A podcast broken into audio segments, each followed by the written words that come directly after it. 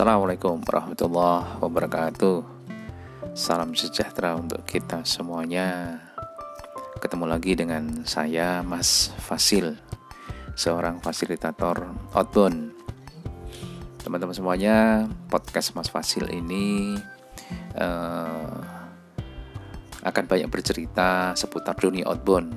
Ya, Outbound itu apa sih sebetulnya Oh ya mungkin kalau secara umum teman-teman sering melihat uh, mengikuti bahkan outbound itu ya dilakukan uh, di luar ruangan pakai game dan uh, apa namanya seru ya gitu. Iya. Itu tidak salah ya, tetapi uh, kalau pengen tahu tentang outbound itu apa, silahkan uh, uh, dengarkan episode-episode sebelumnya di mana saya banyak mengupas tentang outbound itu apa.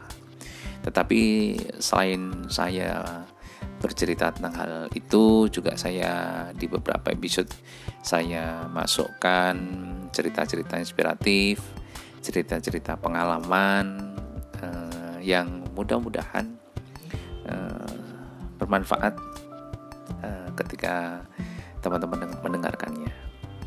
Alhamdulillah ini sudah masuk ke episode 50 tidak terasa udah 50 dan saya ucapkan terima kasih kepada teman-teman yang sudah mengikutinya dari awal sampai dengan uh, episode saat ini. Untuk episode eh, uh, 50 ini saya kembali lagi akan berbicara mengenai masalah outbound ya mungkin nanti terkait dengan bidang-bidang yang lain karena uh, di minggu-minggu ini ya kegiatan uh, outbound yang sudah sekian bulan itu terhenti sudah mulai satu persatu muncul. Walaupun tentunya masih uh, terbatas ya. Tetapi itu menarik untuk diceritakan. Seperti apa uh, ceritanya ya. Ikutin sampai selesai ya. Oke. okay.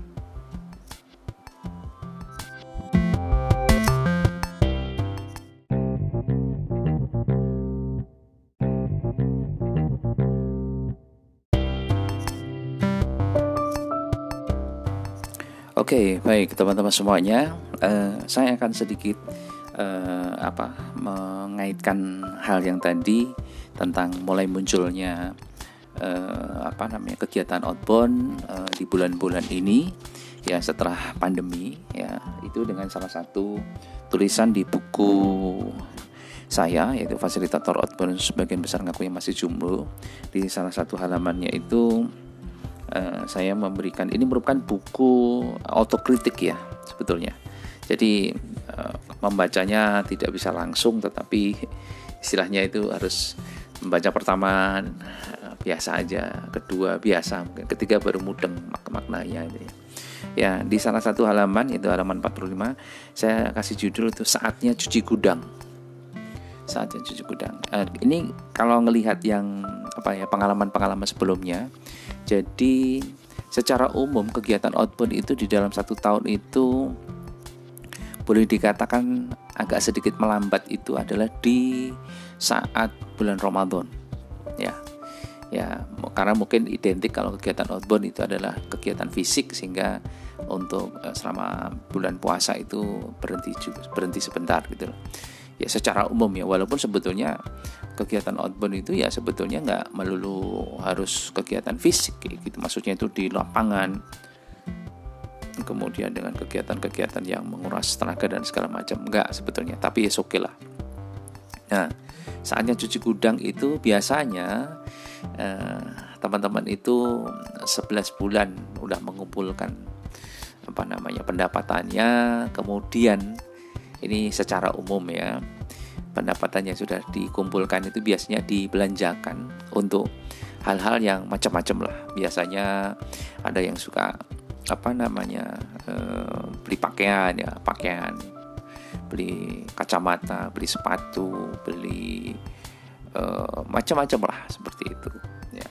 Dan itu kadang-kadang juga e, ada kesenangan tersendiri karena ada hobi kayak gitu. Tetapi yang menjadi masalah adalah kan uh, apa ada istilahnya itu sering kali uh, pas masuk bulan Ramadan itu karena itu slow down ya istilahnya pendapatannya berkurang nah pada satu titik tertentu akhirnya barang-barang itu akhirnya dijual. Istilahnya saya kata tadi itu mengatakan dicuci gudang lah seperti itu. Ya ini polanya itu ada yang berulang tapi ada yang sudah mulai satu dua sadar oke okay ya saya harus nabung untuk istilahnya yang belum menikah ya untuk nanti pas eh, biaya untuk menikah kemudian yang sudah punya putra nanti untuk sekolah untuk bangun rumah untuk beli apa ya kebutuhan-kebutuhan yang istilahnya itu uh, mungkin untuk masa depan lah kayak gitu. Nah fenomena ini lebih menarik lagi ketika pandemi ya. Biasanya satu tahun itu hanya libur satu kali satu satu bulan. Nah sekarang pandemi sudah masuk di bulan ke 7 atau ke 8 katakanlah misalnya seperti itu kayak gitu. Bisa dibayangkan ketika teman-teman tidak siap yang terjadi adalah luar biasa efeknya kayak gitu loh.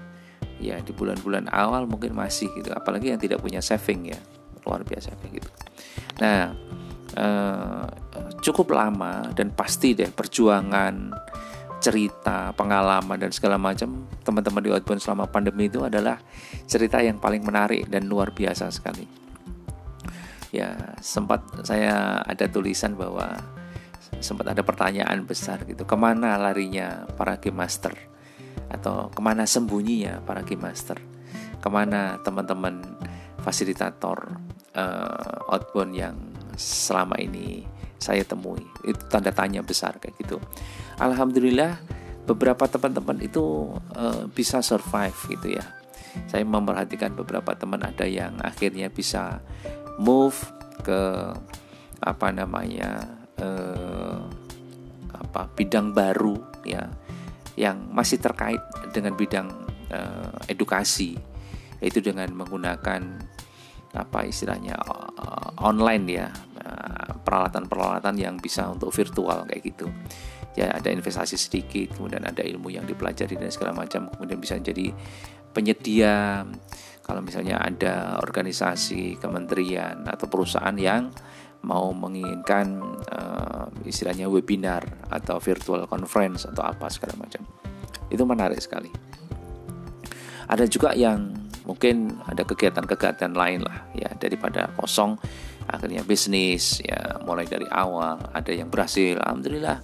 Kayak gitu ada yang mungkin masih belajar dan sebagainya seperti itu. Nah tetapi eh, dengan berjalannya waktu alhamdulillah kalau saya lihat di media sosial sudah mulai muncul beberapa kegiatan-kegiatan outbound tetapi dengan masih menggunakan dengan memakai protokol kesehatan ya. Kayak gitu. Ada beberapa di beberapa daerah.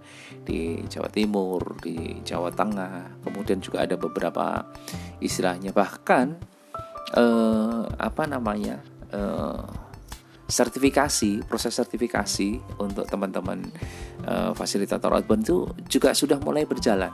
Kayak gitu. Walaupun eh, dengan apa ya istilahnya uh, konsep yang agak sedikit berbeda tetapi itu berjalan. Ini berita baik ya pastinya berita baik ya. Tetapi uh, mungkin ada yang perlu dicermati lagi ya.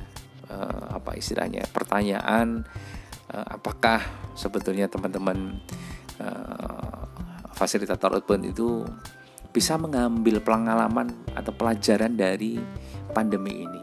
Nah itu yang menarik sebetulnya Oke, seperti apa? Kita nanti akan kupas ya. Kita break sebentar. Oke, ikutin terus uh, podcast ini.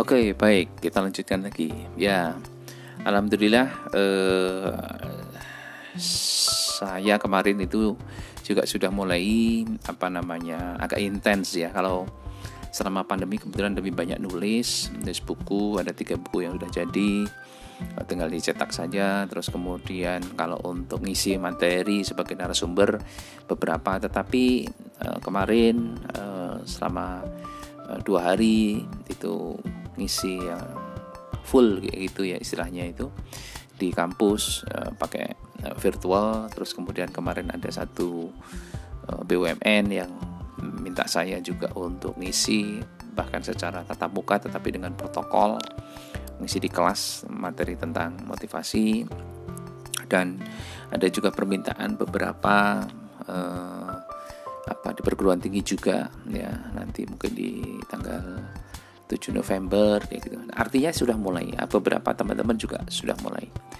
Ya, saya cuma mengingatkan saja bahwa nanti ketika pasca pandemi mungkin teman-teman harus lebih bijaksana di dalam menggunakan eh, apa namanya eh, apa hasil yang didapatkan dalam bentuk finansial itu lebih bijaksana lagi. Ya, harus nahan diri lah. Apa pun yang terjadi, ya kita harus belajar dari yang kemarin apa yang kita punya nanti insya Allah outbound akan kembali lagi ya. Kalau kemarin saya bikin hashtag nanti kita outbound lagi. Saya sudah mulai agak sedikit mulai move. Saya kasih hashtag saatnya outbound lagi. Nah diatur yang baik ya apa istilahnya itu dibagi-bagilah. Ya ada yang dinikmati benar-benar untuk hobi tapi ada juga yang di saving ada juga yang dipakai untuk sedekah dan sebagainya. Kita tidak tahu kayak gitu sepertinya dengan cara seperti itu lebih uh, lebih bijaksana daripada kita lebih banyak menampilkan pencitraan dalam tanda kutip dengan apa yang kita pakai dengan apa yang kita gunakan. Tapi sebetulnya kita uh, tidak siap kalau menghadapi sebuah perubahan. Nah uh, pernah beberapa waktu saya juga ngisi materi tentang bagaimana manajemen keuangan dan kesehatan seorang fasilitator outbound.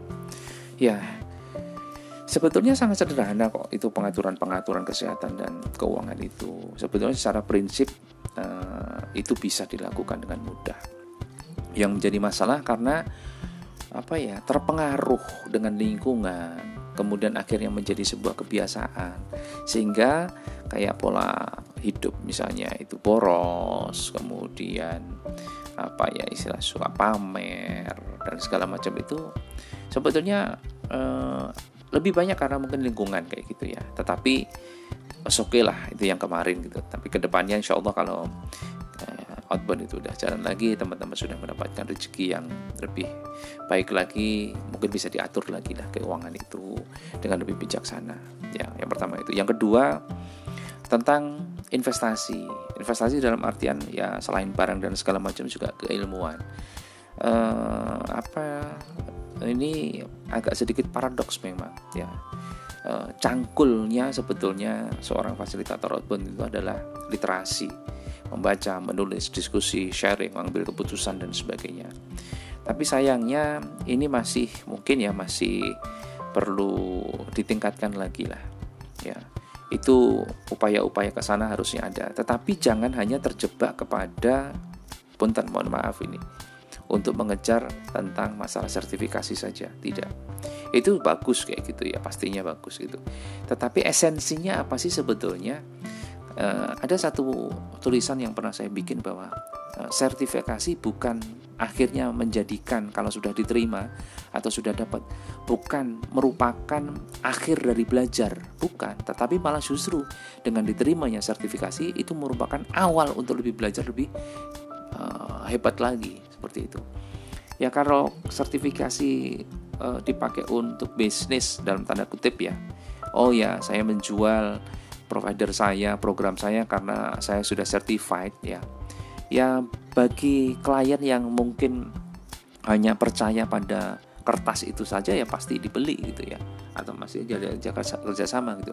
Tapi bagi yang paham pastinya akan berpikir gitu loh. Maksudnya berpikir itu adalah oke okay, itu sudah kamu dapat gitu. Oke okay, silahkan buktikan yang pertama. Ketika dibuktikan yang pertama ternyata tidak kompeten itu bunuh diri gitu loh. Jadi eh, apa namanya pandemi ini mungkin ya kita mengingatkan lah sama-sama kayak gitu bahwa yang pertama kita lebih bijaksana di dalam mengatur keuangan kita. Yang kedua adalah isilah waktu-waktu kosong, waktu-waktu senggang itu dengan membaca, menulis, diskusi yang positif, sharing yang menarik, eh, kemudian belajar mengambil keputusan, membuat program dan sebagainya. Itu perlu kayak gitu. Ini tidak usah uh, apa ya istilahnya itu uh, uh, istilahnya itu apa ya istilahnya itu menjadikan bahwa uh, kegiatan Eh, sertifikasi itu menjadi sebuah uh, akhir dari sebuah perjalanan profesi, bukan. Malah itu menjadi sebuah awal dari perjalanan profesi. Itu yang pertama. Yang kedua, bagi teman-teman yang mungkin belum mendapatkan sertifikasi eh, atau istilahnya tentang kompetensi apa namanya di bidang experience learning, tidak usah berkecil hati. Ya, uh, yang penting terus belajar, uh, terus apa namanya terhubung dengan teman-teman. Nanti pada suatu saat ada kesempatan uh, baru ikut uh, uji kompetensi itu sendiri. Jadi dan kita juga menghormati perlu menghormati orang punya pilihan mau ambil sertifikasi atau tidak. Jangan langsung jasman wah kalau nggak punya sertifikasi kamu nanti nggak bisa jualan produk kamu. Jangan begitu ya. Uh, rezeki itu sudah ada yang ngatur ya memang potensinya lebih besar kalau boleh dikatakan kalau punya sertifikasi tetapi orang tidak bisa dipaksa kayak gitu loh. Cara memaksanya dalam tanda kutip secara soft itu adalah kita berhubungan dengan baik kita ngobrol dengan baik ya kita edukasi dengan baik dengan cara seperti itu. Nanti kalau muncul keinginannya sendiri dia paham tentang esensi dari sertifikasi itu maka dengan sendirinya dia pasti akan uh, mencarinya juga kayak, kayak gitu. Nah ini yang mungkin menjadi uh, apa ya istilahnya bahasan yang menarik kalau terkait dengan sertifikasi. Oke teman-teman semuanya uh, sudah cukup panjang ini kayak podcast ini.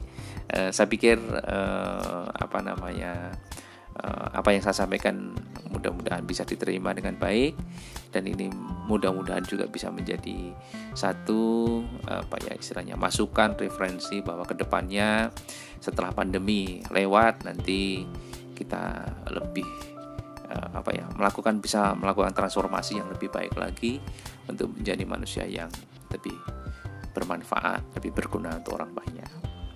Oke, matur nuwun ya uh, telah mendengarkan podcast ini.